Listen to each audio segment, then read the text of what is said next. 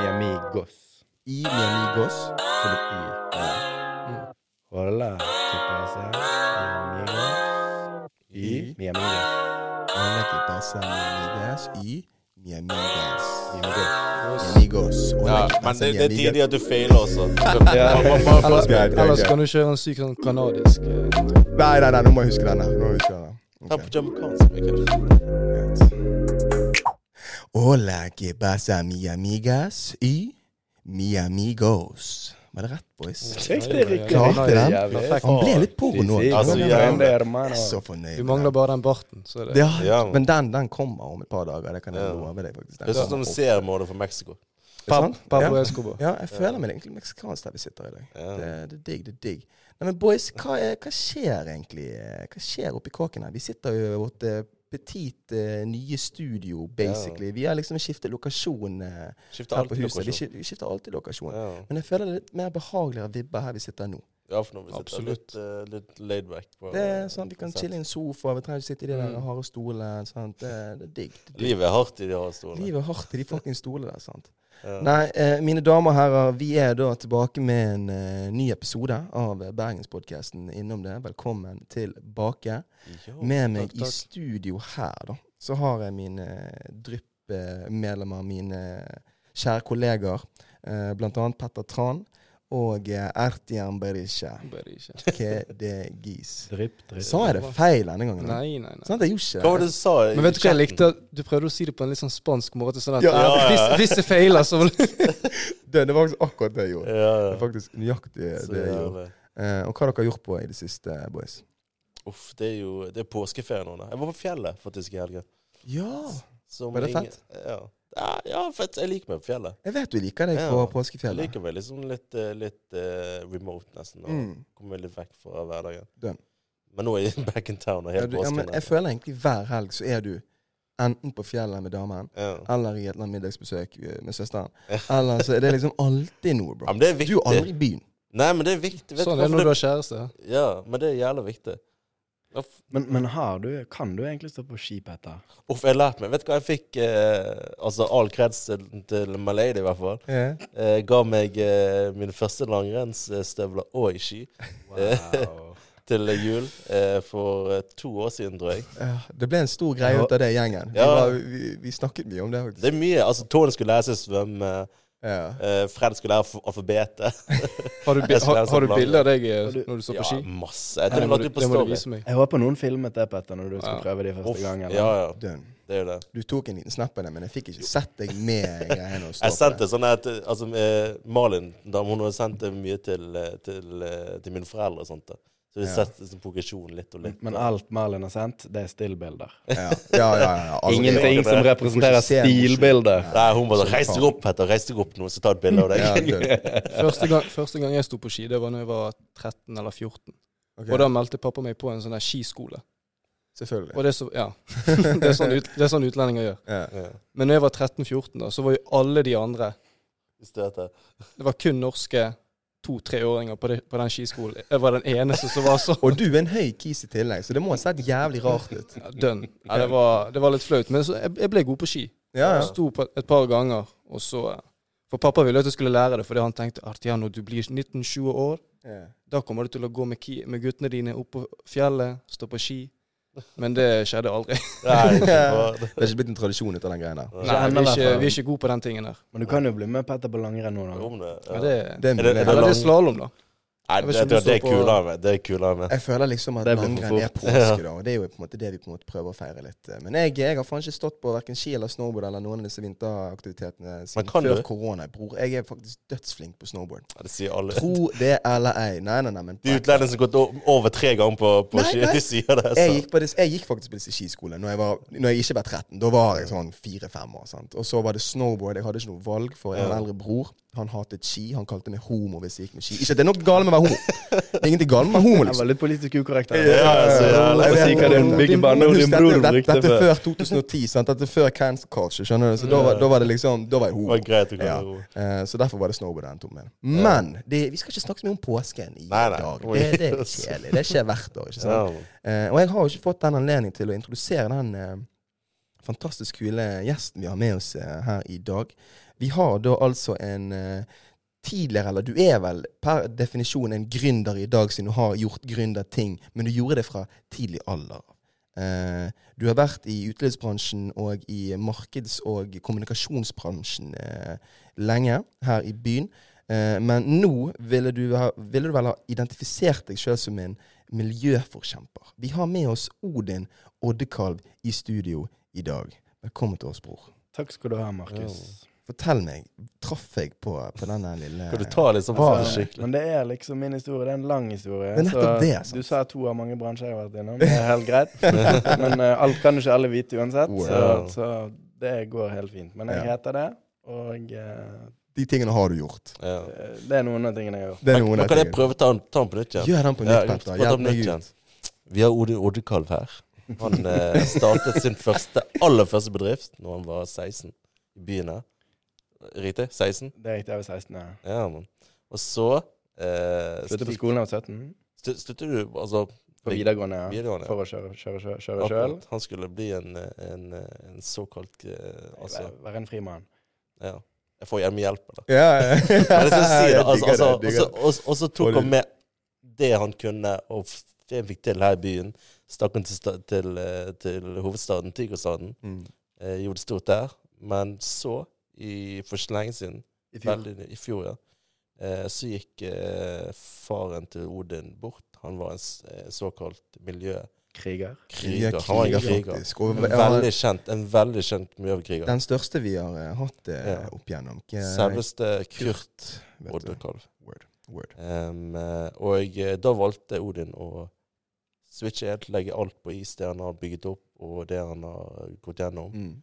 for å eh, være med på saken som faren kjemper for. Og rett og slett bruke disse egenskapene og kunnskapen du har eh, fra disse andre venturesene gjennom livet ditt. Mm. Og eh, fremme Hjelpe naturen. Hjelpe naturen og eh, gå i din fars sine fotspor. Ja. Det handler ikke så mye om far, men det handler om, å, det handler om at verden er på et sted som er Det, det går dessverre i en eh, rimelig mørk retning. Mm. Så naturen har ikke det bra. Vi er helt avhengig av den. Uten, den, uten at hvis det ikke er stabilitet, stabilitet i økosystemet, Mm. Mm. så kommer ikke vi til å være her heller. Mm. Ergo Så derfor føler jeg at jeg er nødt. Ja. Så det har ikke så mye med Det er ikke sånn at jeg følger pappa sitt, uh, sin Nei. Men når han ikke kunne gjøre sin jobb lenger, Mm. så visste jeg det med en gang min, bror ring, min bror ringte meg og sa at han hadde funnet han hjemme. Ja. Fordi han prøvde å redde min søster sin hund fra dette isen Så hadde han falt Ja. gjennom òg. Så visste jeg det på timen at jeg, hva jeg måtte gjøre. da. For det er veldig interessant. Du, du basically da på dagen eller på sekundet du hører om dette, da tenker du nå skal jeg, nå må jeg, nå skal jeg endre hele livet mitt. Ja, det tok meg 60 minutter ca. Ja. å finne ut av det. Ja. Så da jeg parkerte damen Eller jeg hadde ikke kjæreste, men sånn omtrentlig. ledet datet en, en skuespiller en, en, en stund der borte i to-tre år. Både hun, eh, leiligheten Jeg avviklet kommunikasjonsbyrået. Jeg eh, dro hjem til Bergen. Så jeg bare jeg byt, parkerte basically hele livet mitt her for å gjøre dette. Ja. Mm. Eh, For å dra hjem og jobbe gratis, basically, da, for, Ja. å, for å hjelpe til i organisasjonen. Fordi det er fra det stedet kanskje jeg tror jeg kan hjelpe naturen best. Ja. Mm. For det er et veldig veldig godt verktøy som min far har brukt eh, 40 år på å konstruere, han og Ruben, min bror. Mm. Så um, jeg tror det er fra den, fra den organisasjonen jeg kan gjøre størst forskjell. Ja. Ja. Men for at folk skal få en litt bedre, og ikke minst vi som sitter her i studio, for vi, vi Mm. kjenner det på forhånd, men vi har, ikke, vi har aldri gått i dybden på liksom, historien, din eh, fortid eh, og din oppvekst. Eh, som, som nevnt så jo din, har jo din far hatt mye å si for miljø, miljøvern generelt i Norge, ikke sant? Men det har jo skjedd Han har vært veldig profilert opp gjennom òg. Og vi har jo ikke fått sett hva som har skjedd bak lukkede dører og der. Og det jeg har lyst til å gå litt i dybden på disse tingene. Din bakgrunn, og, og gjerne sånn i, i Sammen med han da, og dine søsken og ting som har skjedd der. da. Eh, det er jo annet mange aksjoner som han har gjort, eh, som du òg har tatt del i. Jeg har lyst til å ha litt storytelling her, bror. Jeg skjønner, jeg skjønner Ja. Skjønner du hva jeg mener? Ja. Nei da, altså Min far var jo på en måte fra jeg var født omtrent, da, så var han, Mm. han var rikskjendis da jeg var liten, liksom. Ja. Mm. Så eh, når han vokste opp med Ruben, for eksempel, min bror, så, så da, da var ikke han blitt kjent ennå, han hadde ikke begynt med miljøkrigen ennå. Men så bestemte så han på TV en dag, liksom, og så så han en aksjon, og så hadde han liksom har alltid vært interessert Han gikk og plukket uh, Bestemor lurte på om det var noe gale med han, fordi han gikk opp i skauen, og så kom han tilbake med noe bæsj, liksom, og så, og så brettet han opp den der bæsjen, det var uglebæsj der, så sa han sånn eh, Se her, 'Dette, se nå har jeg funnet ut hva uglen spiser, mamma.' Sånn, Da var han liksom seks år gammel. Så han lurte sånn hva, 'Hva skal det bli av denne gutten her?' Sånn, han fra. Nord-Norge. Ja. Men så interessen hans var der fra veldig fra barndommen av. da. Ja, okay. Mm. Men han bestemte seg ikke for å begynne med liksom, miljøvern før han var kanskje på min alder cirka. Mm. Men det tok fyr ganske fort. Så liksom med en gang han begynte nesten, så klikket det mongo. Men tenk på den tiden. så- Når var dette egentlig? Var det på uh, er det liksom Jeg husker ikke nøyaktig årstallet, for da var ikke jeg født ennå. Men liksom Var det 89? 87, kanskje, Ja. han begynte. Og, Og se for deg- og 80, 85-87, noe sånt. Mm. Se, se for hvor fjernt egentlig det var. Sånn som i dag, så skal jo alle ha kjempe for Altså, du blir uglesett dersom du ikke gjør noe for miljøet, på en Mm. måte. Ja. Men på den tiden, sant eh, Da var du en idiot hvis du Ja, tenkte det på var det. skamidiot. Se for Ja. deg. Vi fant nylig opp oljen, eh, altså på, på norsk sokkel. Eller fant den, i hvert fall. Vi fant den i hvert fall. Ikke hele oljen, men på norsk sokkel i hvert fall. Yeah, og Og stedet for deg vi skulle bare gønne på og Ja. i Altså bånn i ånden, liksom. Bon Bonnie ja, akkurat. Yeah. Så de, de folkene på den tiden tenkte jo bare liksom Hva faen er det jeg driver med? Cash, cash, cash. Sant? Og liksom, hvorfor i helvete skal du drive og plage oss med at vi driver og dumper dritten vår i den elven der borte? Mm. Spiller ingen rolle, det er bare en elv, liksom. Hvorfor skal du bry deg om det? Kanskje bare... det. Så det var ikke populært da jeg var liten. si det var ikke, det var ikke noe Det var ikke Jeg hadde lærer på skolen min, og han hadde vært på TV dagen etterpå. Okay. Nei, dagen før. Så hadde han vært på TV og kjeftet på liksom klippet slips av en statsminister eller et eller annet. Ja. Vært og kriget med noe oppdrettslaks eller et eller annet greier. Så, Ja. så kunne liksom læreren min på barneskolen komme typ ta det ut på meg, da, fordi fordi, ja. fordi de var så irriterte fordi at fetteren jobbet i oppdrettsnæringen eller et eller annet. Ja, sånn. Så lærte meg nesten å diskutere på den måten her. Så nei, ja, Petter, det var en helt annen tid. ja. Og f- det var ikke populært når han begynte med det. Nei. Eh, snarere tvert imot. Ja. Så det krever liksom sine baller, på en måte, da. Og Men hvordan følte da det? tørre å likevel gønne 100 Ja. Og dette var noe du så opp til på den tiden? For jeg, du jeg- sier, du Jeg nevner ble noe født inn i det. Altså, jeg, det var, du kjenner jo ikke noe annet når du er liten enn det du kjenner. Mm. Så jeg ble Mm. født inn i det. Så det var noe, den verden jeg vokste opp i. Var du like interessert når du var Når jeg var fem år gammel. Ja, sånn som faren din var når han var liten? Liksom ja, altså, Eller var det noen som kom med alderen? Nei, jeg har alltid, alltid vært interessert i det. Men altså, vi hadde jo et helt annet miljø enn det han vokste opp i. Han vokste jo, han fant ut, altså, han begynte å studere uglebæsj alene. Ja. Men Men, sånn? men, men, men poenget er at vi vokste jo opp med det. Så vi vokste opp med at hver dag så når vi spiste frokost, så plutselig ringte Ja. NRK. Sant? Og så satt han og hadde et spontanintervju Ja. om energi. Eh, mens vi spiste frokost, og så la han på, og så var det sånn 'Å, gutter, nå går vi ut og Vi skal spikre det der greiene der før vi skal på jobb.' Og så kjørte vi på jobb, og så ringer vi til liksom mens vi sitter i bilen, så er det sånn 'Du, din, ja, trykk nummeret til Petter Stordalen, så vi trenger noe penger til det der eh. Vi trenger noe finans til det der eh, liksom Ja, ikke, ikke plastryddeprosjekt som du Ja. holder på med, men, men et eller annet, da. Altså en eller annen sak. Men For å rydde opp i oljen oppe i Solund. Altså. Så det var liksom kjør fra omtrent siden jeg var bitte liten til den dag i dag, så var det liksom 200 km i timen. Ingen Mm. re ikke redd for en dritt. Mm. Bare Hvis noe var feil, så var det feil. Da skulle han fikse det. Mm. Så han har jobbet med Han har forandret mange deler i samfunnet vårt. Mm. Det er ikke så mange som vet det, egentlig, Ja. hvor mye han har forandret. Men uh, mange, mange, mange bransjer. Liksom fra byggebransjen, kildesortering, energi, fisk, mat, oppdrett, plastikk. Mm. Så han har jobbet utrolig bredt da, Mm. med hele miljøspennvidden. Og det som er så rart med dette temaet her, det er at denne jobben handler om alle, altså alt egentlig miljø. Mm. Ja. Sant? Du bør egentlig helst skjønne alt i hele verden hvis du klarer å gjøre denne jobben ordentlig. Så bør du helst hver, skjønne hver eneste lille art ned på partikkelnivå, og hvordan alt henger sammen, og atmosfære og stratosfære, og Mm. liksom eh, hvordan den ene arten påvirker den andre arten, som påvirker den tredje arten. Ja, det er utrolig Ja. avansert, da. Det er superavansert. Mm. Partik partik DNA-et til Petter er på en måte relevant til min jobb, sånn egentlig. Ja. Mm. Så, um, Ja. så han, han jobbet utrolig, utrolig bredt, Ja. sant? men da fighter du ofte mot Han tok ofte da fighter som er Hadde vi bodd i et annet land, så hadde han sikkert vært død nå. For lenge siden. Mm. Eller han er jo død nå, men, men han hadde vært død for 20 år siden. Sikkert blitt myrdet. Ja. Fordi det er så mye penger i spill at Akkurat. det er som oftest billigere å ta deg enn, å, enn at han skal droppe den nyheten som gjør at Ja. uh, alle aksjene i plastmarkedet går ned Riktig. 20% globalt i morgen. Riktig. Fordi du dropper den nyheten. Ergo en av grunnene for vi kaller det dokker eller folk som han eh, miljøkrigere. For det er basically en krig man liksom Ja, det var egentlig faktisk Han fikk det tilnavnet fordi min mor tegnte en tegning av han, for mamma er kunstner. da. Så hun tegnte en tegning av han en gang. der han rir på en hane med et spyd Ja. og bart, selvfølgelig. Og så eh, signerte hun det med Miljøkrigeren. Mm. Og etter det så begynte han å kalle seg det, da. Ja, cool. Fordi han så litt på det som en krig. Ja. For det, Ja. det er liksom en fight som vi er nødt til å vinne, hvis ikke så dauer vi. Ja. Så skjønte han det bare litt tidlig, at alt han elsket, var liksom truet på livet, egentlig. Han Ja. så ned på ungene sine, så ned på oss, og så at Ja, for det er ikke sikkert de får en fin fremtid. Mm. Uh, så, så på dyr. Det er ikke sikkert de, der, de artene her overlever så lenge. Det er ikke, altså, Mm. Så på hele verden, og så så han at Ja. vi mennesker holder faktisk på å ødelegge der vi bor, Ja. og oss sjøl. Mm. Så alle jeg er glad i, alt jeg er glad i, det er truet på livet. Det skjønte han liksom 30 år før de fleste. da. Ja. Mm. Og da, da fikk han plutselig jævlig dårlig tid. Ja. Så derfor han hadde jævlig dårlig tid hele livet. På grunn av det. For det forbanna mye å fikse. da. Som sikkert er en av grunnene for at han har havnet opp i noen av disse her kon mer kontroversielle tingene. da. Hvis jeg Ja. kan kalle det. Og det er det jeg har lyst til å høre om med et par av disse her.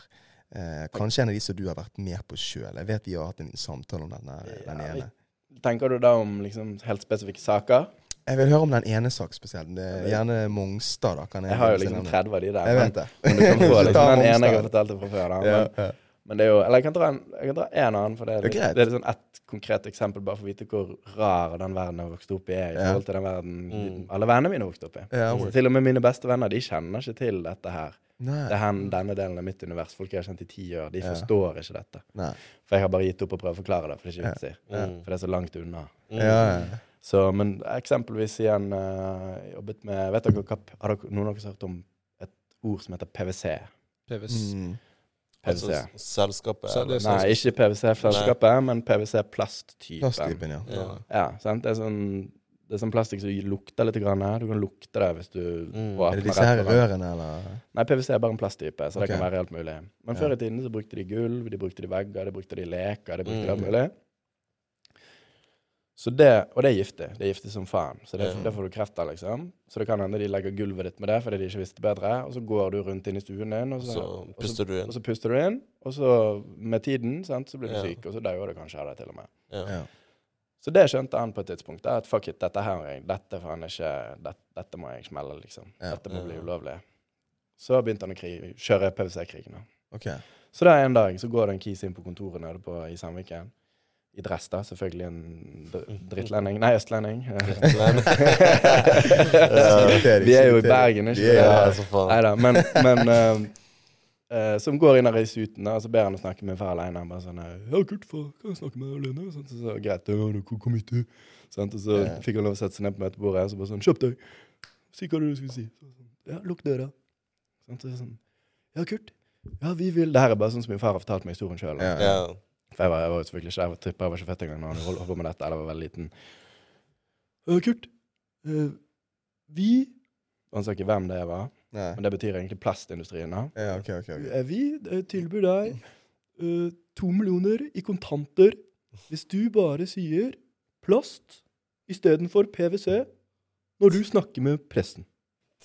Så han skulle bare bytte et ord, basically, vokabulæret sitt når han skulle på intervjuer, og si plast istedenfor å si navnet på den giften. Den giftige plasten. Ja. Så da, da tok min far opp to hender, liksom, og så, og så, altså ti fingre, da, og så Ja. sa han, og så begynte, så gikk, forsvant en finger, og så fant en sving til, og så en ting til, og så sa han sånn, når disse, når disse fingrene, når disse fingrene er vekke, så er du ute herfra. Så hvis ikke du har løpt ut den døren der, er du ute fra den strøken der, når det er bare ingen fingre igjen, Ja. så er du ute av vinduet. Mm. For da, da prøvde han jo basically å korrumpere han. Altså, Ja, ja, ja. Så det er bare et eksempel på sånn, sånne ting var det. Ja. eller den verden der kan Mm. inneholde det der, den Ja. type greier. Ja. Her kan du, du ha to millioner i cash på mandag hvis du bare Ja. sier en ting annerledes. Ja. Det er jo en ganske spesiell greie. Det er en spesiell ting. Man gjerne fuckings, altså, hvor, hvor ellers er det man hører om disse tingene? Film. ja, Eh, film, sant? sant? Det var jo dokumentar nå nylig Ja. angående dette Det, med det bare, og det der er bare ett Ja. av liksom 100 eksempler. da. Men, Ja. Men uh, så spurte du om Mongstad. Sant? Ja, for jeg, jeg syns er historien Og da vi har en, en, en metode for å ta sånne saker. da. riktig. Sant? Man uh, du utvikler en metodikk med årene. på en måte Ja. som Hvordan skal jeg typ, ta verdens rikeste bransje, liksom? Sånn Ja. olje, fisk. Hvordan skal jeg jobbe med det å vinne? Altså Mm. klare å forbedre de bransjene, egentlig. Det handler ikke om at du jobber mot de alltid, at de skal bare forsvinne. Det er ikke det det går i. mm. Men det handler om at de gjør et eller annet som er så ille for fellesskapet at uh, det at de skal sitte og tjene penger på at de, eksempel de driter ut fjorden til Petter, altså alle sin fjord, der er det vi stoler på sult ihjel, liksom. Så det er en ting du kan gjøre i Norge, det er at du kan fiske, fiske deg en fisk, og så kan du spise den. Mm. Om du er fattig eller rik, spiller ingen rolle. Mm. Men ehm, ja, så en av tingene jeg pleide å gjøre, da, som, som er ganske langt ute i prosessen Da har man gjerne jobbet med en sak i et år eller to, kanskje Mm. bruker ett år på å samle kunnskap. Mm. Altså bygge opp en sak Ja. faglig. Og så når du har bygget den opp faglig, sant, så koker du ned til kanskje fem-seks poenger. Og så er det ingen som vet at du har, sitter på den atomkofferten, som han pleier å kalle det. Nå Mm. har jeg en atomkoffert. sånn, Atom, du vet hva det er med de som gjør bang, sant? Ja, ja, ja. Ja. Så, så da denne metoden da, sånn, en for å overleve, da. Som, jeg vet at det kan høres rart ut, men, Ja. men, men, Mhm. men ja, for å overleve, det. Sant? Så når jeg har en atomkoffert, så må han smelle liksom så stort som mulig, så fort som mulig, sånn at det hjelper sånn at katten ut av sekken. Sånn, det hjelper ikke å fjerne deg, for det historien allerede ute. Ja, Ja, ja. Typisk som hvis noen har en bedriftshemmelighet, sånn bransjehemmelighet, Ja, ja. som er Du blåser det så stort opp i media Ja. sånn at det, det, det gir veldig dårlig oppmerksomhet. Katten ut av sekken. Ja, typisk Trond Giske-opplegg. Jeg vet ikke hva han har noe med dette å gjøre. Han syns ikke jeg er så fet, men eh, det er greit. Men, men, og da, når man da skal få dette ut, altså Ja. få ut informasjonen, så vil man gjerne belyse noe. Så du må lage et eller annet som gjør at du får oppmerksomhet rundt noe. Mm. Så da kommer vi tilbake til eksempelvis Mongstad, Ja, som da var en aksjon. ja. Eh, En av mange aksjoner. Og Mongstad, det, var, det er liksom Norges største oljeraffineri. Mm. Mm. Sant? Og der kommer det inn uh, oljetankbåter hele tiden i øst og vest. Og liksom, så, han kokte det ned til at hvis du skal, hvis du skal plage Norge, da Ja. Siden nå har vi et litt uh, utvidet trusselbilde med Russland, f.eks. Mm. Hvis du skal skade Norge sant? Så Den enkleste måten å skade Norge på, det er å sprenge Mongstad. Hvorfor det? Fordi det er liksom energi altså Mesteparten av oljen vår er Eller det største oljeraffineriet i Norge. Og hvis du sprenger det, så sprenger det nesten helt ned til Bergen. For det eksplosjonsradiusen er så heavy, for der er det så mye olje, kjemikalier og gass som er lagret. da. Ja. Så det blir en jævlig det blir en gigaproblem for oss. Ja. Så, ergo det er et terrormål. da. Ja. Ja. Sant? Det er et veldig naturlig terrormål. Og da for han som miljøaktivist, sant, så er det jo da at hvis man selvfølgelig hadde sprengt Norges største oljeraffineri, så hadde du fått noen helt sinnssyke utslipp. Ja. Sant? Så det er også en miljøkatastrofe. Mm. Kanskje det hadde vært en av de største vi hadde hatt i i verden i historien hvis du Ja. hadde sprengt Mongstad. Så han kokte det ned til at vet du hva, sikkerheten her, den er jævlig dårlig. Mm. Sant? Og dette er terror, superattraktivt terrormål, og sikkerheten er elendig. Mm. Så det her må vi gjøre noe med. Så ringte han til konsernsjefen i Statoil og sier liksom Du! Sikkerheten er jævlig dårlig ute på Mongstad. Dere er nødt til å fikse det. sant? Og nå har du liksom Typisk han å si det. Jeg tipper han sa dette. Så, nå har du 45 dager på deg. Hvis ikke det har skjedd noe, da kommer jeg og tar deg. Beep, beep, beep. Ja. Konsernsjefen i Statoil. Ja. Beep, beep, beep. Sier ikke ha det engang. Bare det er beskjeden. Altså. Ja. 45 dager. Sant? Klokken tikker, tiden går. Jeg setter han på start nå, og så ha det bra. Ja. Nei da, så skjedde det ingenting, da. Sant? Og så antar jeg på dag 45 så uh, har ikke det skjedd noe. selvfølgelig. Ja, hva gjør de da? Nei da, der planlegger Kurt en aksjon. sant? Nå skal vi få oppmerksomhet rundt dette. Så da sender han ett lag inn fra sjøen Mm. i sånn svart gummibåt, liksom. Jeg vet ikke om det var en eller to gummibåter, men svart gummibåt, eh, finlandshetter, svarte klær. Yeah. Liksom sånn agent... Fucking Max Manus-opplegg. Ja, yeah. fuckings uh, SWAT-opplegg. Ja. Liksom. Sant? Så da er en bare ett time inn fra sjøen, ett time inn fra land. Jeg går inn med landtime. Så Ja. jeg har funnet ut hvor jeg kom inn. Så gikk de gjennom, de krøp gjennom et sånn her Ja, så sjøteamet kom fra sjøen. Når var dette? Jeg husker ikke årstallet. Ja. Vi kan sjekke det hvis du vil. Ja. Dere får spørre. Bare send meg en melding hvis du lurer på det. Men, men sant? Og så ett landteam, et, en gjeng som gikk inn fra land. Altså han Mm. var med de som gikk inn fra land. Også svarte klær, finlandshette, liksom full liksom, Ja, SWAT, da. Sant? Så ehm, Ja, så da snek de seg gjennom et oljerør, oljerør, liksom, så de krabbet gjennom i kanskje en kilometer. Og så Mm. kom de seg inn, sant? og så landteamet, de, nei, sjøteamet, de, de hadde også fått plassert ut sine hypotetiske bomber, da. Mm. Så de plasserte to eller tre bomber langs, eh, på en måte fra sjøsiden. Mm. Og så gikk landteamet inn, og så plasserte de to til tre bomber fra landsiden. Ja. Sant? Og så, når de er ferdig med det De går jo selvfølgelig inn midt på natten, sant? og så Ja. kommer morgengryet, det gryr, og så Det er ganske stort, det området der, så han fant seg en sykkel da, på sånn Statoil-uniform, liksom. Tok på seg kjeledressen og hjelm og liksom fant seg en sykkel. Og så syklet han inn til, ned til hovedinngangen. Og så De der vaktene lurer jo på De, de sitter der med hovedinngangen, og så kommer det en, en svær fyr med, på 120 kg med bart, liksom, og, og, bare, og sånn hjelm, liksom. Så kommer han syklende ut fra innsiden, så de bare sånn What, oh yeah, what the fuck skjer nå? Så han bare 'Hallo, gutter, hallo! Det er bare meg, slapp helt av.' Sånt, Og så står det liksom pressekorps på utsiden, sånn hele Norges presse står på utsiden. Ja. Klar, for han har jo selvfølgelig ringt i og sagt at 'Still opp der klokken 7.15'. Sant? Ja. Så bare 'Bare åpne døren dere, gutter. Bare åpne gaten, for jeg skal bare ut og preike med de. Det er bare meg. Det er ikke Kurt.' Ja. Og så 'Det er ikke noe farlig. sant? Jeg skal bare ut og snakke med de. Det er ingen fare.' Sant? Men ja, de skjønte jo at han har jo på en eller annen måte brutt seg inn der, da. Så de åpner nå gaten, og så går han ut, og så da går det litt annen tone fra den der tjomslige Ja. eh, gutta på gulvet. ja, bare åpne gaten', liksom. Så er det sånn Da er vi over i 'nå skal vi klesse ministeren'-stemning, liksom. Ja, Så, den er syk. så da går det gått ut, og der står liksom Det var, ikke sånn digital presse, det var live-TV. sant? Ja, ja. På TV2, eh, TV3, alle, alle står der og liksom Ja. Ja, hva skjer her nå? Nei, nå, hvis jeg hadde tatt det opp sånn, så tar han opp sånn der hypotetisk eh, Hypotetisk eh, fjernkontroll, liksom. Ja. Hvis jeg hadde trykket på den knappen her, så hadde det sprengt herfra nesten helt ned til Bergen. Og vi hadde hatt den største miljøkatastrofen i Europa. Sant? Så sikkerheten her, den er altfor dårlig. Og det har jeg nettopp bevist. Sant? Jeg har plassert seks bomber her på anlegget nå, og nå hadde det sagt bang. Og det hadde sagt bang så jævlig at de hadde, de hadde hørt helt bort til regjeringskvartalet der borte i Oslo.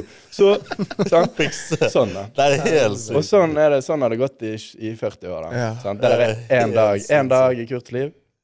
ja. Én dag. Word.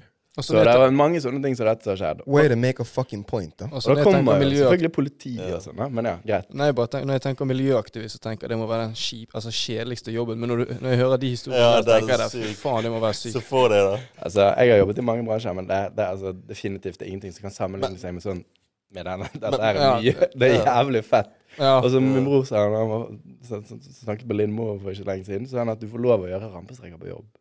Ja. Du får liksom lov til å Det er basically Og du får lov til å bølle med de største, liksom. Men se for deg at Kurt kommer er på jobb med alle boysene sine og sier sånn Mm. Gutta, i dag skal vi gønne. I dag skal vi opp og frem. I dag skal vi være bedre enn Forsvaret i Norge. Vi skal inn og ta Mongstad. De bare faen, det er greit. filmet de dette, liksom? Eller? Jeg, jeg jeg vet ikke. Akkurat det har jeg ikke sjekket, den, den, den spesifikke aksjonen. Men jeg antar jo det at noen har noe klipp, i hvert fall når han prater på TV. da Men det, Ja, det kan jeg. ja. Men akkurat denne her er Ting er dokumentert. 18 år Uansett. siden, eller noe sånt. Ja. Nei, det er helt sykt. Men de hadde ikke mobiltelefon på den tiden med kamera. Ja. på. Ja, ok, det var, ok, så lenge siden. Men, men ble Ja, hva sa du? sikkerheten bedre? Ja, ja, ja. Sant? Ja. Og så skjedde jo det. Sant? Så kommer det ut i pressen. Sant? Så plutselig vet hele Norges befolkning at Mongstad har jævla dårlig sikkerhet, Ja. og at det er terrormål. Så da gikk det to eller tre måneder, og så ringte konsernsjefen i Statoil. Han var jo pissed på han i begynnelsen, liksom. Ja. Det driter jeg i. Men så, så ringte han og sa takk, da. Da Ja. ringte de og sa Ja. 'tusen takk for det du gjorde på For det du gjorde på Mm. Mongstad på sikkerheten, nå er det blitt bedre. Ja. Så Så ingen, anme ingen anmeldelser som gikk ut der. For basically har han prøvd seg inn. sant? Ja.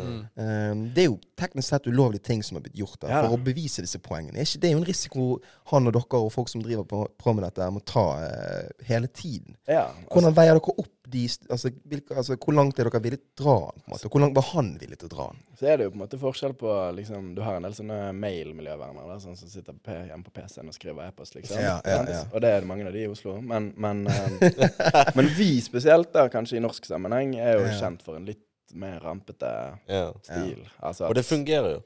Ja, det vil jeg si. Det vil jeg si absolutt Ja. si. Så det det funker ja. bedre enn å skrive mail. Ja. Ja. Men uh, Men er det pga. den kontroversen som skjer liksom, gjennom aksjonene? Nei. Hva er det som vekker så mye oppmerksomhet gjennom disse tingene? Pga. det er gøy å høre om? Akkurat aksjonene Aksjonene handler egentlig basically om, som jeg sa, når du har jobbet lenge, fått bygget opp et kunnskapsgrunnlag, Mm. og så må du få ut den informasjonen til folket. folket. For Norge er et demokrati. sant? Yeah. Mm. Så hvis, hvis jeg klarer å fortelle til liksom to millioner av Norges befolkning at capsen din er stygg, sant? så kan det hende at et politisk Han er, han er ikke den. Er Han er stilig, den. da, ja, da. Babor-mann. Det er babor. babor. ja, stilig, den, vet du. Sant? Men så hvis jeg får det ut til to millioner mennesker i Norges befolkning, sant? Mm. så uh, vil gjerne noen politiske partier også, da. Mm. De vil si at faen, helvete, folk er jo enig i dette. Mm. En, en ting er at du fått det ut, men det var jo fornuftig det du fikk ut. Ergo yeah. så begynte andre folk å prate om det. sant? ja. Så begynner andre folk å sende leserinnlegg til VG. Så begynner andre folk å yeah. mase på yeah. byrådspolitikeren sin. Og så, så plutselig så kommer det på agendaen til partiene, da. Og så blir det fordi at noen av de finner ut sånn Ja, dette kan vi jo tenke stemmer på. Ja, dette må vi ta. For det folk er opptatt av dette, tydeligvis. Ja. Ja, fordi vi fortalte det. Sant? Så er de opptatt av dette. Ja. Fordi at det er sant. Det er logisk at det er fornuftig å Ja. med. Og da kan det hende at et eller annet parti finner ut at dette skal vi sanke noen eh, street, Mm. street cred på. Mm. Og da tar de det plutselig opp på Stortinget. Mm. Sant? Eller i andre sammenhenger så er det Jeg jobber nå i den organisasjonen i Norge som har anmeldt flest folk og bedrifter i historien, så langt Mm. vi vet. I Norge, da. Ja. Altså saksøkt flest, Ja. på en måte. Mm. Og det er veldig ofte i miljøkriminalitetssammenheng. Mm. Så på en måte når de ikke beliter seg, da, når de ikke liksom vil rydde opp sjøl, så pleier Miljøvernforbundet da gjerne å anmelde det. Mm. Altså Ja. bygge opp en politisak, basically. Dokumentere og liksom bevise og Ja. underbygge og vise til paragrafer og ditt og datt. Ja. Og så anmelder du det til politiet. Mm. Og da blir det en politisak. Mm. Sant? Enten blir det henlagt, eller så ringer politiet da til et industrianlegg oppe i Ja. Gøkk som Ja. forurenser elv nummer X. Ja. Og så begynner etterforskning. Og så blir det kanskje da en rettssak. Ja. Mm. Og da i den rettssaken, kanskje det er La oss si det var eh, noe det aldri har vært en rettssak om før. Mm. Altså si en giftstoff det aldri har vært rettssak om rundt et steinbrudd, f.eks. Mm. Så eh, kan den dommen som kommer i den rettssaken, Ja. det kan da skape en presedens i loven Mm. Ja. som gjør at man kan også forandre lovverket Ja. Mm. gjennom eh, å bruke systemet, altså lovverket, da. Ja. Altså, gjennom å anmelde og kjøre rettssaker, og så får du Ja. dommer, og så vil de dommene legge Ja. føringer på seinere dommer. Det er jo kjempebra, sånn at vi vet Ja. hvordan vi kan Altså, og ikke forutse liksom kriser som må være i fremtiden. ja. At Ja. man har liksom en regelverk man har, man har en kjøreretning, egentlig, Nettopp. For, for ha. sant? ja. Men det virker som man må sitte på enorme ressurser og kunnskap for å eh, kunne Jobbe på den måten. jobbe på denne måten her, da. Ja, så det er jo det er ingen altså, Jeg har jo nettopp logget inn igjen her, liksom. Mm. Mm. Og, men jeg har sett min far og min bror for så vidt gjøre det her hele livet. Mm. Så man er jo ikke helt noob. Men, men ja, Alle kan ikke drive med dette aleine. Her må du ha liksom Ja, sant? God, god advo advokatrigg, og du Ja. må ha gode saksbehandlere, ha tilgang på god forskning, og liksom. Sånn at du. Du Det faglige er det aller viktigste. At Ja, liksom. Hvis du bommer faglig, så blir alle de andre greiene det er bare tull. Det er godt. Ja. Så du må faglig, Det faglige er det aller viktigste. Så, Ja. så at, at det er riktig, Ja. det vi kjemper Mm. for, da. Ja. At det er riktig beslutt. Man kan, ikke, man kan ikke bomme så jævlig mye når man eh, skal trekke ut anmeldelser og saksøke Ikke folk på, ikke, på, ikke på det faglige, nei. For Nei. det, da er det jo sånn Er, er, er, er genseren til Hartian lilla? Mm. Ja, det er han, eh, kjære lytter. Han er lilla. sant? Men hvis jeg hadde sagt at den var rosa, Ja. så hadde jeg jo tapt den saken. Ja. Altså fa Mm. hvis det faglige rundt genseren Mm. hennes var Men, men, For dårlig. det, men det jeg syns Miljøvernforbundet er så altså, DNA deres er jo altså, at dere er, går til hardest vekst. sant?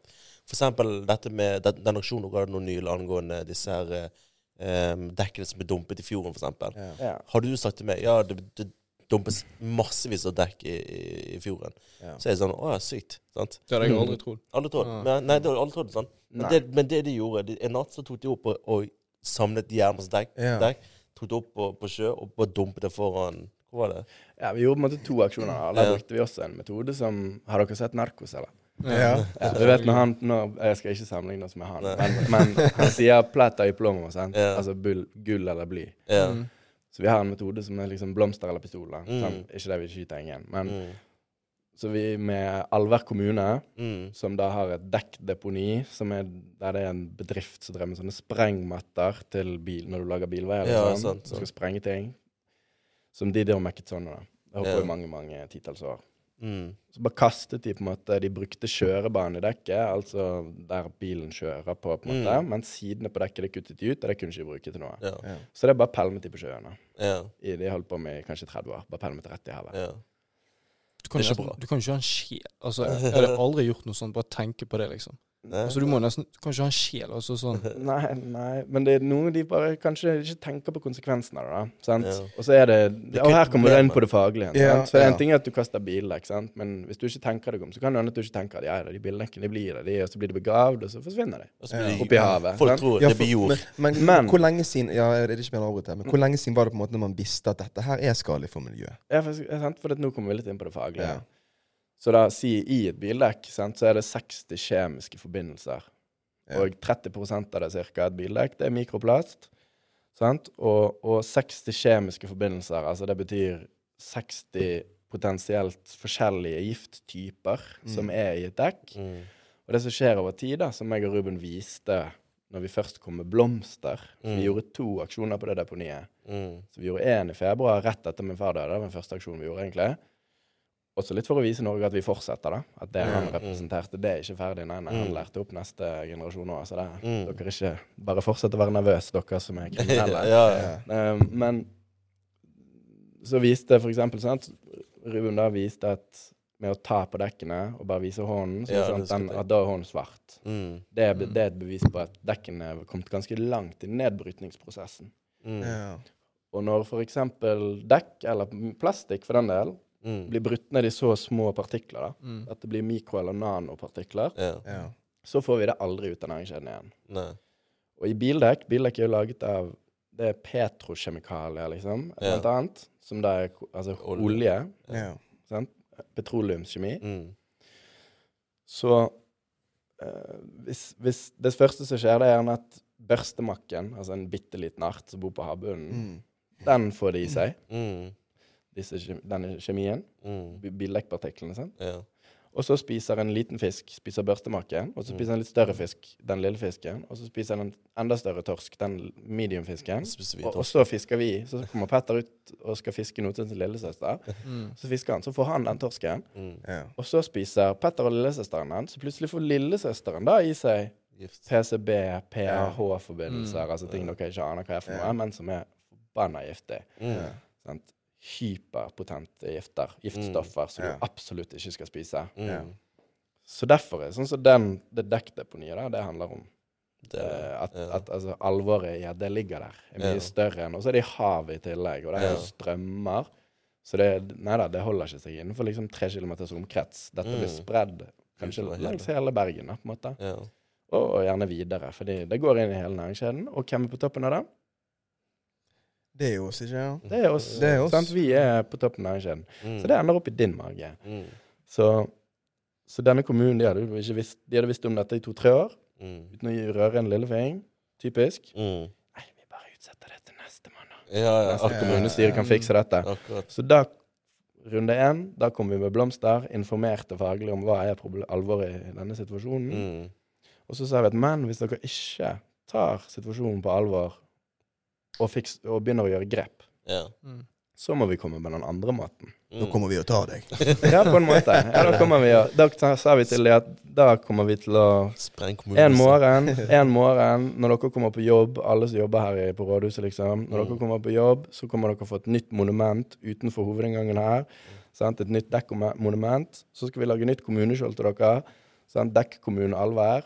Og så står vi her med et lite pressekorps, og så skal vi gjøre dere til sånne B-kjendiser Ja. for noe dere ikke er så jævla hypp på å bli kjent for. Ja. Altså de som bare driter i ungene sin fremtid, naboen Akkurat. Altså bare ga faen i både natur, hav og barn og alt, alt mulig. Ja, sant? Mm. Det er ikke så jævlig langt unna det deponiet som ligger den barnehagen. Nei, nei.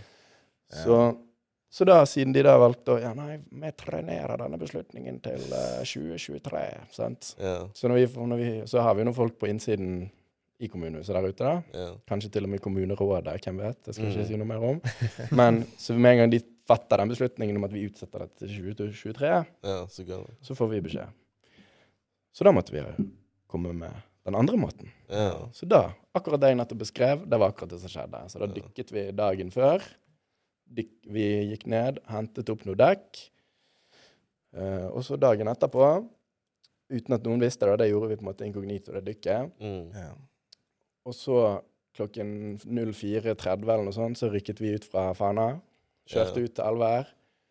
Uh, og så hadde vi fått sponset et eh, tilhengerlass med nye bildekk fra uh, søppelfyllingen i Bergen. Mm. som vi hadde med oss ut der.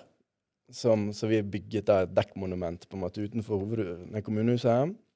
Og så hadde vi med oss det var vel BT, NRK, en del uh, lokalpresse og litt forskjellig. Ja. Sånn at når alle kom på jobb, så sto vi der med informasjonsskriv til alle ansatte, og uh, ja, noen journalister som stiller dem en del spørsmål. Mm. Nytt monument, og disse dekkene som vi fikk fisket Ja. opp for dagen før. Absolutt. Mm. Så, og da på en måte øker vi jo presset igjen. Sant? Og da ble det, det ble det noen pressesaker. Ja. Liksom, Men dere går så jævlig hardt til verks. Det er jo det det Ja, vi må, men vi må jo det. Ja. For det, det er alvor. Situasjonen det er ikke noe tull. Liksom. Nei, nei. Det, Men det er det som er viktig, at liksom vi får at vi også, alle mennesker, får det så tett inntil hverandre. Sånn at, det, at realiteten er det. Litt så, litt sånn som krigen nå i dag òg. At om, om man Mm. tenker det angår ikke oss. Ikke så gale. Men frem til eh, vi får det litt nærme oss, og liksom Russland driver snoker til på Norge, det er da vi vet alvoret. Ja, for nå er det Europa, liksom. Det er så Ja. tett. Ja. Det er det. Men det er sa samme med, med miljøkrisen, hva dere gjør. At dere liksom setter det rett foran oss i trynet. Mm, ja. Og ja, vi prøver er- jo på det, men det er jo litt av problemet med hele denne saken er jo på en måte at det er veldig vanskelig å se det før det er for seint. Mm. Ja. Og spesielt i liksom, i klimasammenheng, da, som er én miljøsak. Bare Ja. sånn at det er understreket. For det er mange som tror at klima er liksom hele miljøsaken, men det er bare tull. Ja, ja. Det er én av mange ting, Mm. Mm. men det er en av de viktigste tingene akkurat nå. Ja.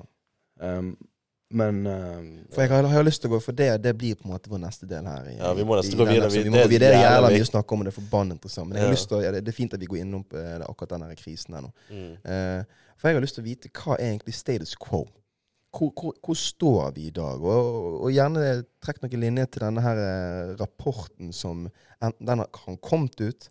Eh, den kommer nettopp ut, og den er visst ganske viktig. Jeg vet ikke hvorfor, så det, det må du forklare til meg, eh, Petter, Arten og våre lyttere om hvorfor den er så forbanna viktig. Ja, altså Den inneholder jo ting som på en måte er perspektiver som på en måte vi i hvert fall har vært klar over i, siden Ja. vi var bitte små. Mm. da. Men nå er det kjekt at uh, det blir litt sånn allmenn akseptert kunnskap. Mm. Men uh, FN har et uh, klimapanel. sant, Mm. som er, det, det er 700 forskere fra hele verden Mm. som går gjennom all forskning som finnes i hele verden, på en måte, innen, innen klimafeltet. da. Mm. Og skal, så prøver de å, å finne ut hva kommer til å skje, hva må vi gjøre, bla, bla, bla, hva er Mm. konsekvensene, osv. Ja, osv. ja. Mm. Så, så det heter IPCC, og nå kom IPCC, altså International Panel of Climate Change, sin rapport nummer seks i historien. Den ble delt opp i tre deler, og del tre kom ut forrige mandag. Mm. Ok. Så del tre av IPCC6 handler om eh, tiltak. Mm. Altså hva, hva Hva kan de gjøre, liksom? Ja, og første del én handler om kunnskap, altså hva er status, på en måte. ja. Og så, så handler nå del tre om hva, hva er det vi er nødt til å gjøre. Mm.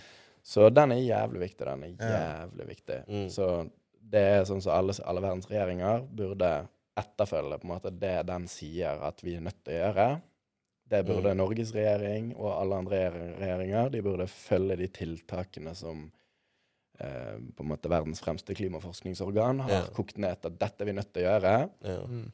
Hvis ikke, så mister vi kontrollen. Mm. Så du får deg at disse tiltakene kan bli til standarder her i i- Ja, men vi kan gå litt overordnet inn i det først. Bare okay, sånn at yeah, man skjønner yeah. litt hva er status quo, da, som Ja, det går egentlig riktig. lurer på. Ja. Hvordan går det egentlig? Ja. Bare sånn, long story short, det går, hvis vi fortsetter akkurat sånn som vi gjør nå Jeg er ikke noen sånn dommedagsprofet, men da går det til helvete. Mm. Punktum. Og Mm. det, det det betyr, det er at sist noe sånt skjedde, det var når dinosaurene forsvant.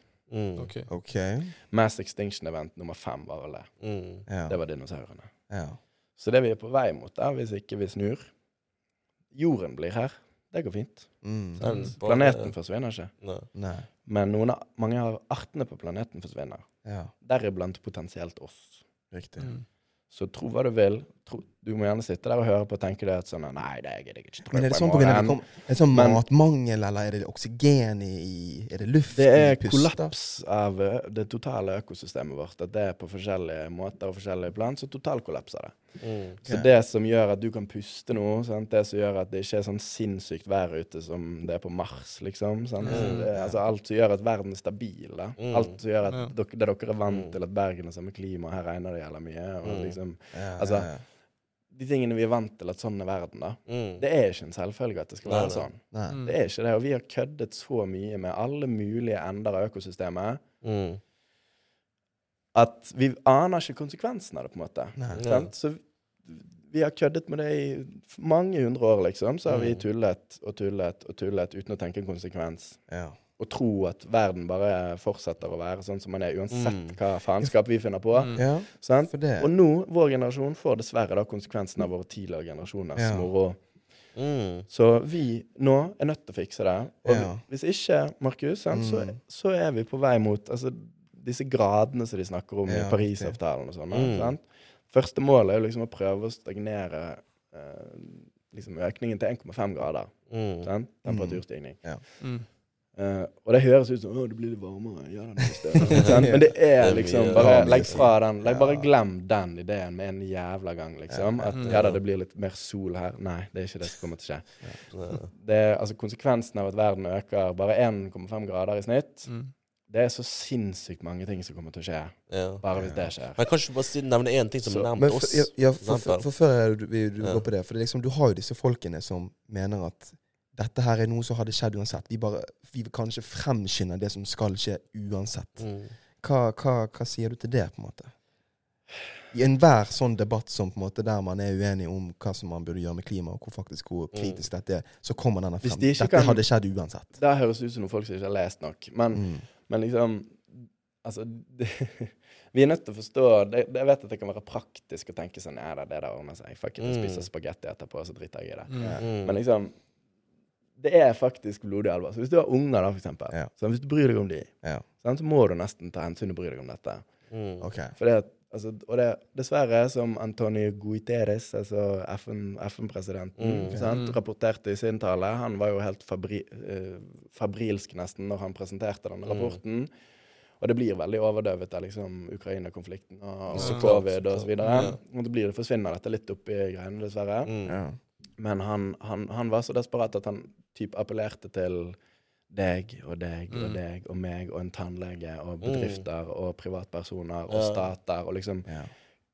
Uansett hvem du er, på en måte, Mm. så legg press på regjeringen din.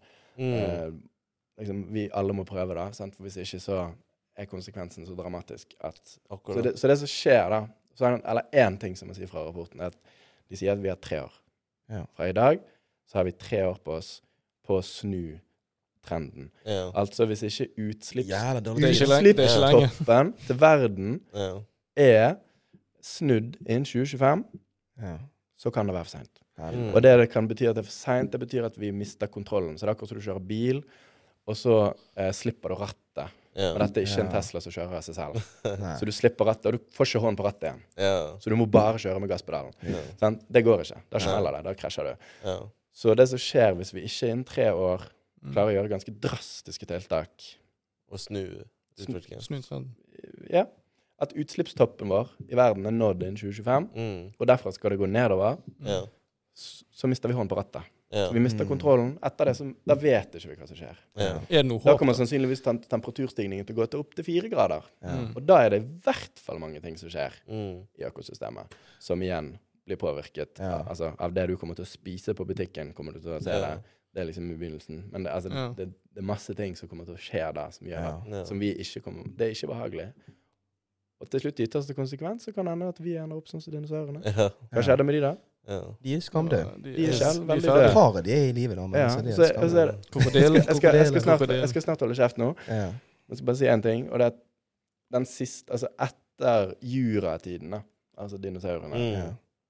Så har vi fra da til nå hatt den perioden i verdens historie, så langt Mm. som vi mennesker vet, Mm. som har vært den mest stabile sånn på Mm. planeten i forhold til vær og klima. Ja, og, liksom, og, og en av hovedårsakene til den stabiliteten, det er det biologiske mangfoldet i verden. Mm. Ja. Mm. Det betyr alle artene, Mm. og at det er så mange forskjellige typer osv. Mm. Det er mye av grunnen til at det har vært så stabilt Mm. Helt siden dinosaurene døde, som er mange millioner år siden. Mm. Bad news. Den stabiliteten er det noen forskere nå som sier at den kan det hende at den perioden akkurat sluttet. Mm. Eller snart er på vei til å slutte. Ja. Den som har vært okay. millioner Så det er av her år. denne ringvirkningen kommer inn. Hvis én art forsvinner, så påvirker det gjerne tre. Og så, blir den, altså, så ryker den Ja, for alt i for naturen alt henger sammen. Ja. Sant? Mm. Så den lille, bitte lille makken på bakken, Ja. liksom, tusselussen, han har en, spiller en rolle. Mm. Så uten han så kan det hende at ørnen ikke lever lenger. Altså, ja, ja, ja, ja. du, man, det her er for avansert at vi klarer å sette oss inn i alle ringvirkningene Ja. av alt som kommer til å skje hvis du Nei. Mm. Men det er akkurat som dominobrikker. Hvis du tar vekk liksom, 3000 dominobrikker Ja. her inne, og så tar du Ja. vekk seks stykker. Så, Så detter jo plutselig ikke de 2800 andre Mm. ja. etter du har tatt vekk de seks. Mm. Det er litt sånn. Så Ja. næringskjedene går litt på den måten der. Ja.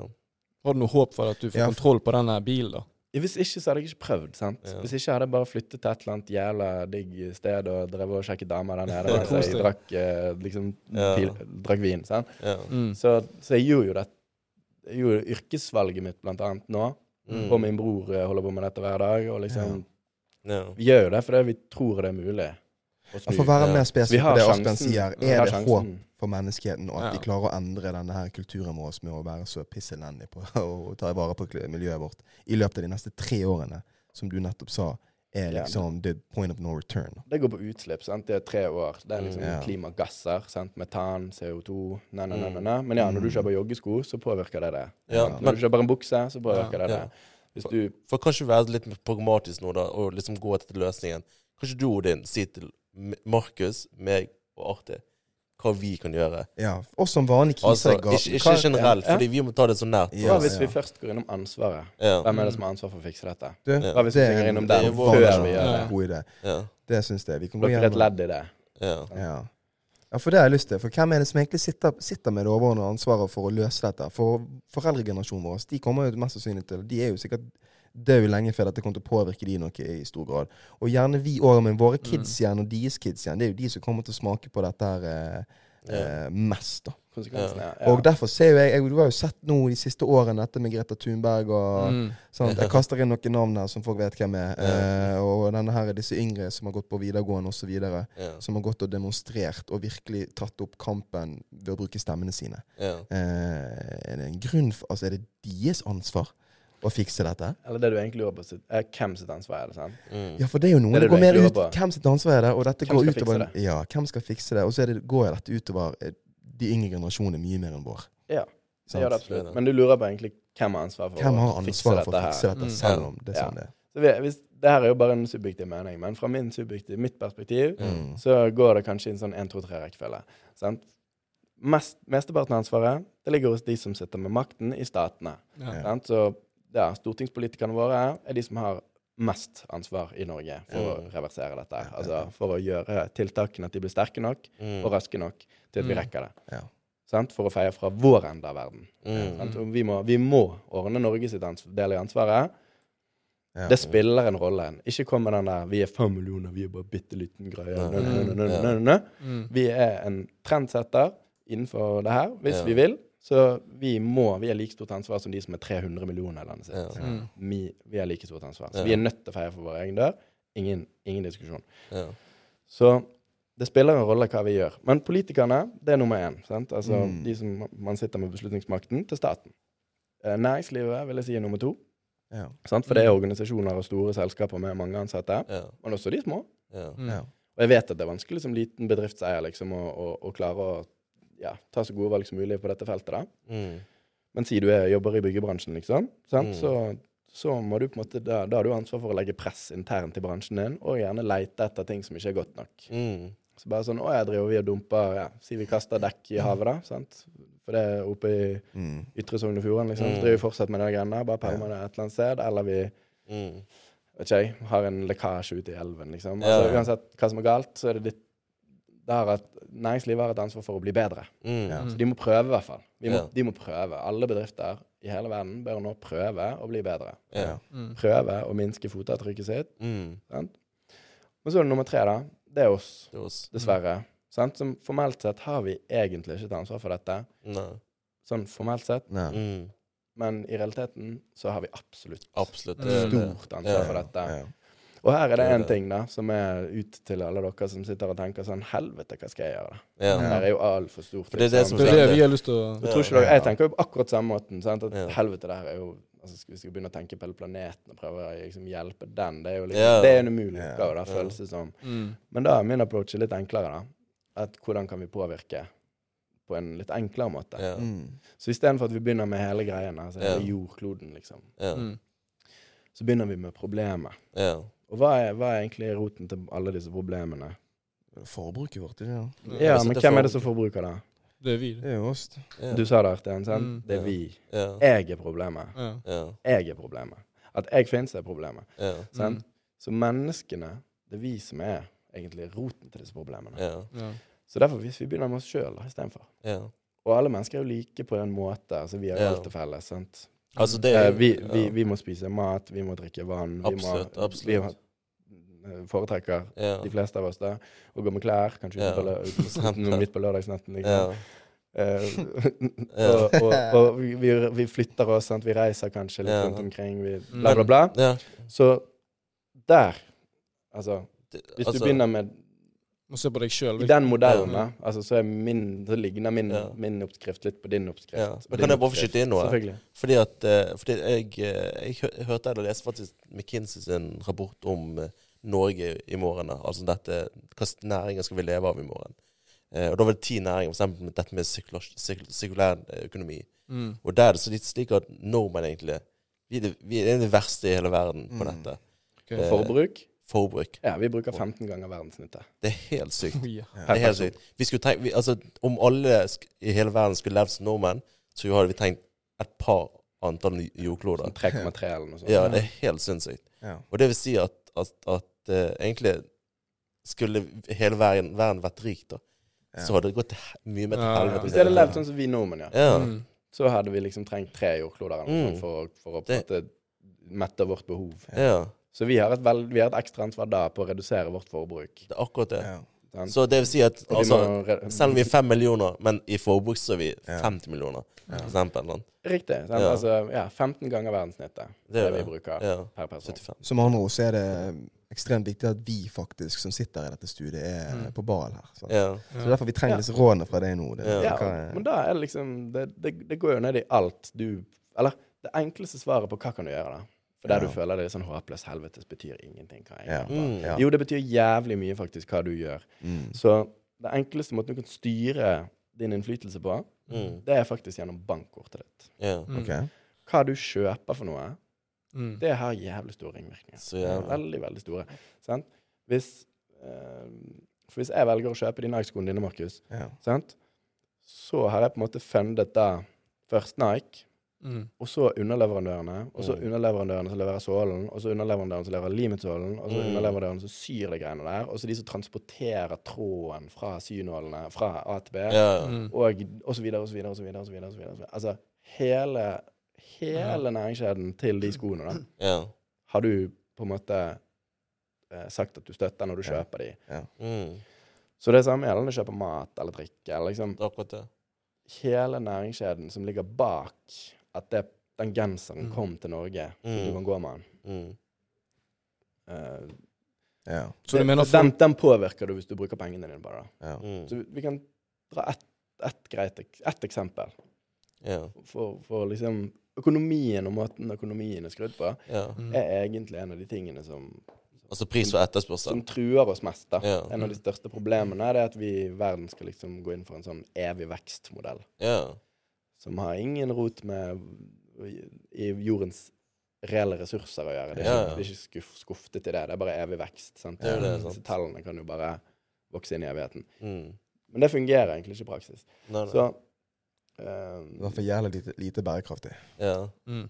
ja, altså Evig vekst, det går ikke, da. Nei. Vi kan ikke vokse til månen og forbi. sant? Vi har Nei, bare nei. jorden, og den har så mye ressurser. Så Ja. vi kan på en måte ikke vokse forbi Ja. jordens ressurser. Det er ikke mulig.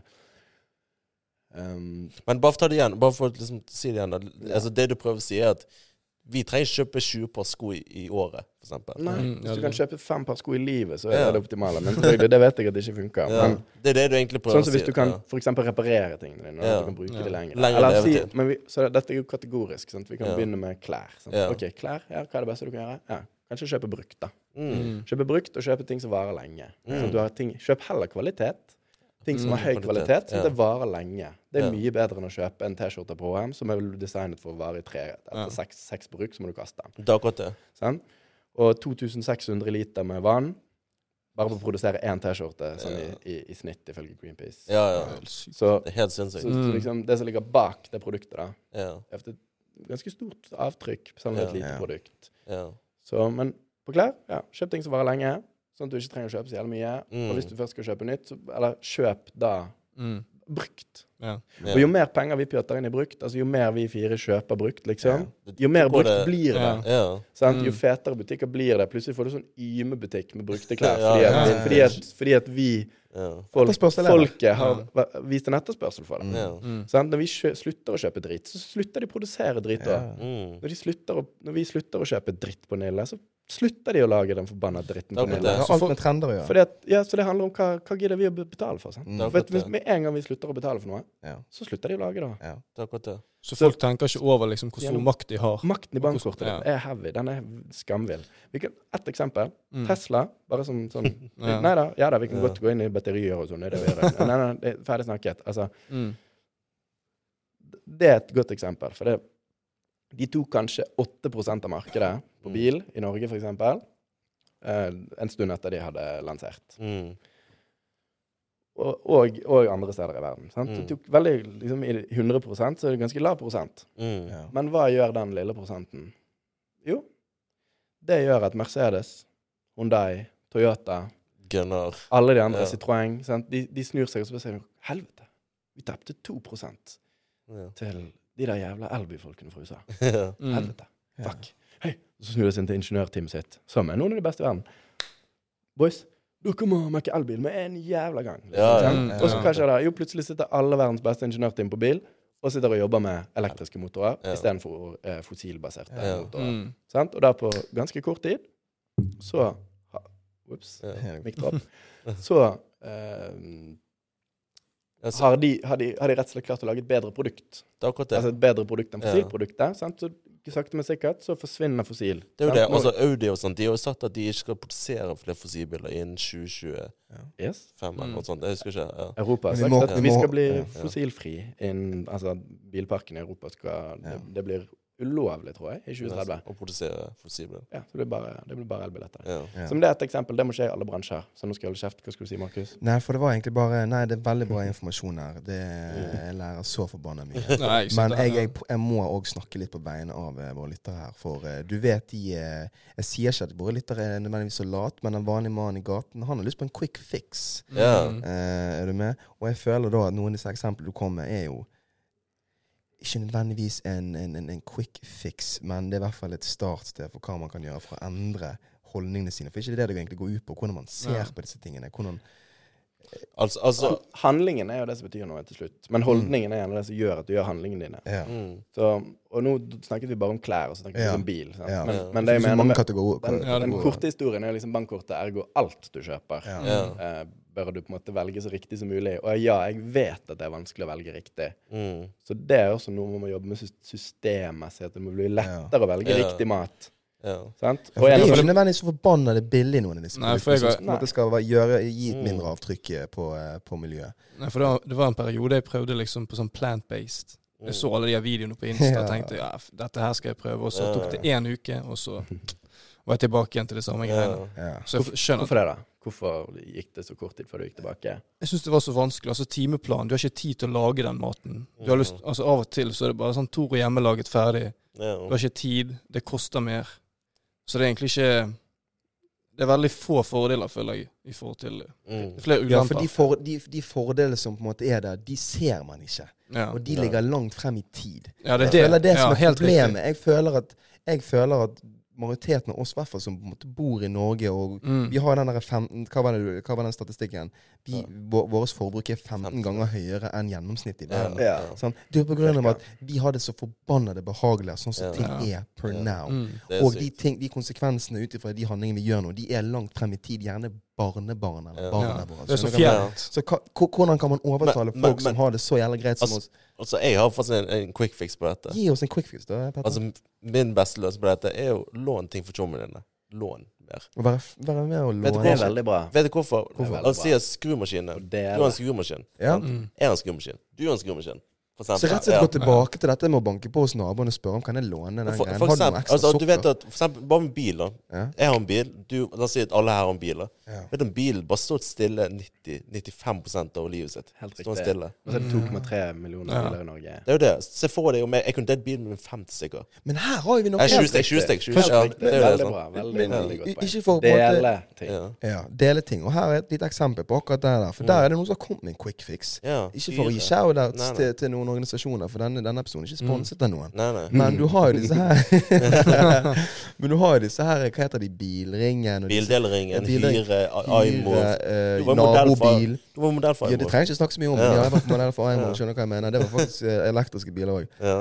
Der har du noen av disse quickfixene. Det er det jeg mener. Det, altså, lån mer ting om tjommene dine. Kan ikke du være med og lage en sånn låneapp, da? Jo, altså, altså, jeg tror, men det er med holdningsbasert. Jeg tror at Ja. Vi også, vi motherfuckers her, vi, er, vi har så lite tillit til folk her. Ja. Det. er det som er problemet. Nei, men altså, det, det kan man jo sikre gjennom IT-systemer. sant? Altså, Ja. det, det er jo sånn at det finnes jo Forsikring. Ja, er og ditt og datt Ja. i dag sant? Som, Ja. som fungerer helt fint. Ja. Ja. Så, så godt poeng, og essensen jeg er helt enig i det. Ja. Altså, en av de tingene vi kan gjøre som vil minske avtrykket vårt ganske mye, Ja.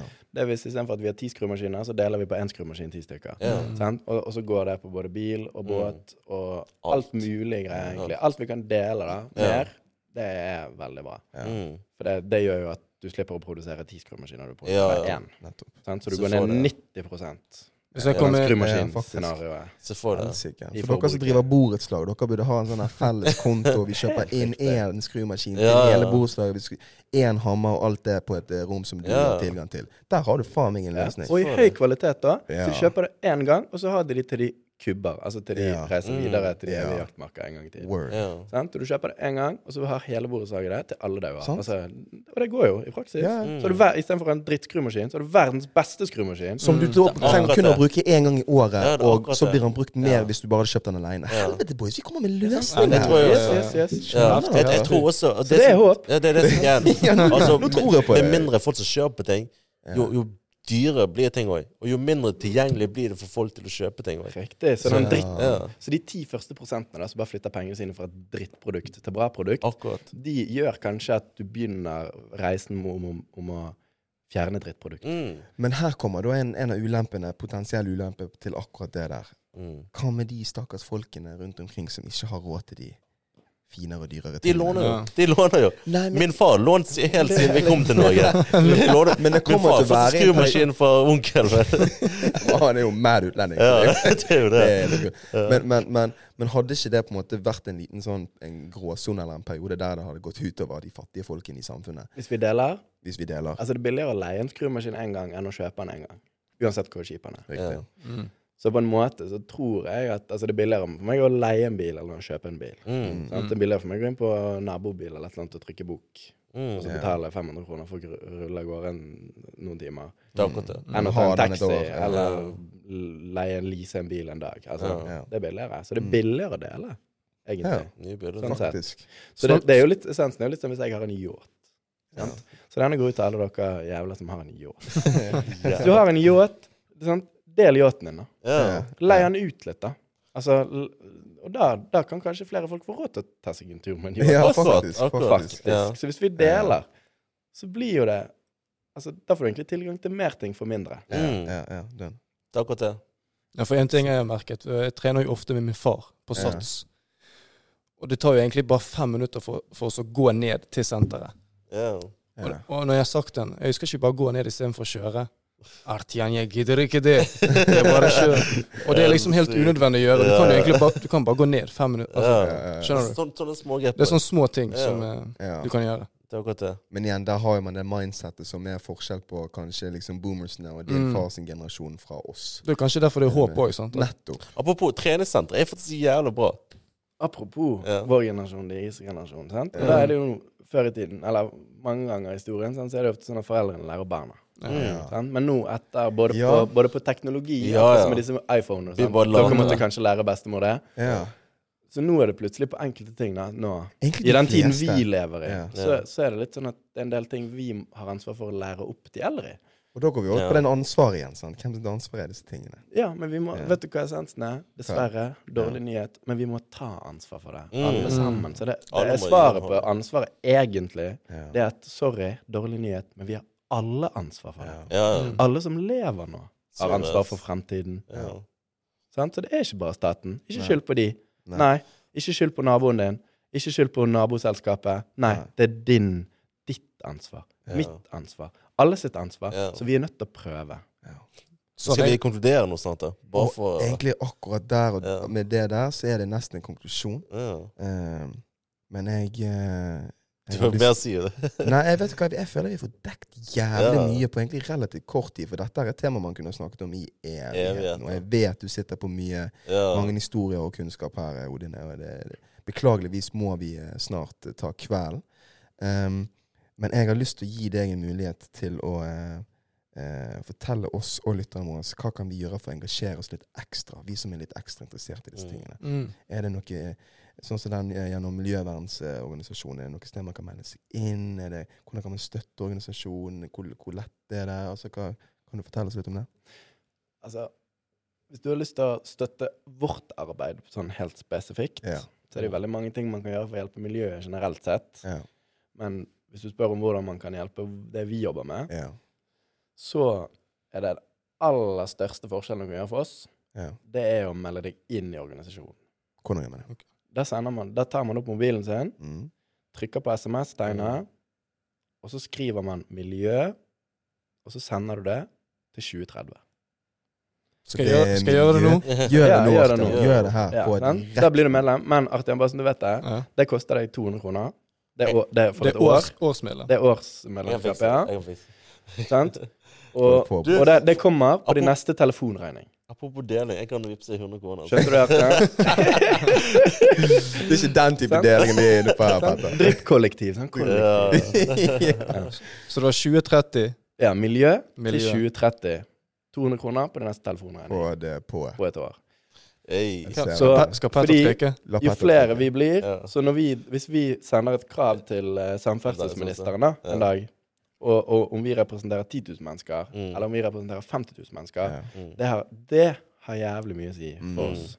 Og så er det noe med vi mangler Vi, vi trenger 800 stykker til, typ, Mm. Ja. før vi, vi kan uh, gjenetablere statsstøtten. Ja. Da får vi statsstøtte tilbake, som er jævlig Ja. viktig for oss. Mm. Ja. Så ja, meld dere inn hvis dere har lyst til å hjelpe våre ting. Og i disse dager så er driver vi og rydder strender fra liksom Min bror holder på med et prosjekt siden 2017. Ja. Mm. Så vi har ryddet 175 tonn med avfall. Vi har Ja. hatt 4700 skoleelever på opplæring. Ja. Og så har vi hatt en 2300 frivillige ryddere som har vært ute på norske strender Mm. og plukket boss. Fra Oslo hele veien langs kysten opp til Kirkenes. Så i år så skal vi rydde fra Vi, vi de ryddet 850 kilo i går Mm. nede på Karmøy. Så vi flytter oss fra Stavanger, og så Mm. rydder vi oss på vei opp mot Ålesund. Og så i løpet av tre til fire år så skal vi dekke hele landet på nytt igjen. Mm. Rått. Så det er ett eksempel på et Ja. prosjekt som du kan, man kan støtte. da. Ja. Mm. Så har jeg bare lyst til å fortelle dere lyttere at dere kan uh, få med dere uh, prosjektene våre, uh, Drypp Kollektiv sin uh, Innom det podkast, eh, når vi slipper. Det er jo hver onsdag, men du kan få med deg litt ekstra content hvis du følger oss på de herligste sosiale medier. Det er da altså eh, IG, Drypp Kollektiv, Mm. og TikTok, som vi etter ett ja, år og eh, fire måneder lovet at vi skal være i støtet på, er faktisk er i støtet på. nå har vi begynt å Nå har ba- faen meg begynt å rulle. Så eh, gå inn der, samme navn, følg oss, og lik del, gjør alt det dere trenger å gjøre. Tusen takk for at du kom, kom her i studio til oss, Odin. Jævlig fet preik. Og fy faen, jeg føler meg belært og mye mer kunnskapsrik enn det bare for eh, litt over en time siden. Ja, sant. nå har vi bare nå har vi berørt toppen av isfjellet. sant? Så det er kjekt. Hvis du likte toppen av Titanic, så er det Ja. bra, det. Ja. Som du, du sa i sted, Hvis du dykker dypere under panser. det vil jeg, og som du sa i sted, det er vi som må ta grep. Nå skal jeg ta grep og lære meg mer om denne greia. Du må vite hvor mye makt du har med den lommeboken. En ting om gangen. Bruk lommeboken riktig. Mm. Sant? Ikke kjøp så mye dritt. Ja. Ja. Ikke kjøp dritt. Trenger jeg for det. Ikke kjøp, folkens. Nei, ikke kjøp dritt, folkens. Og med det sier vi takk og farvel. Hasta luego, adiós.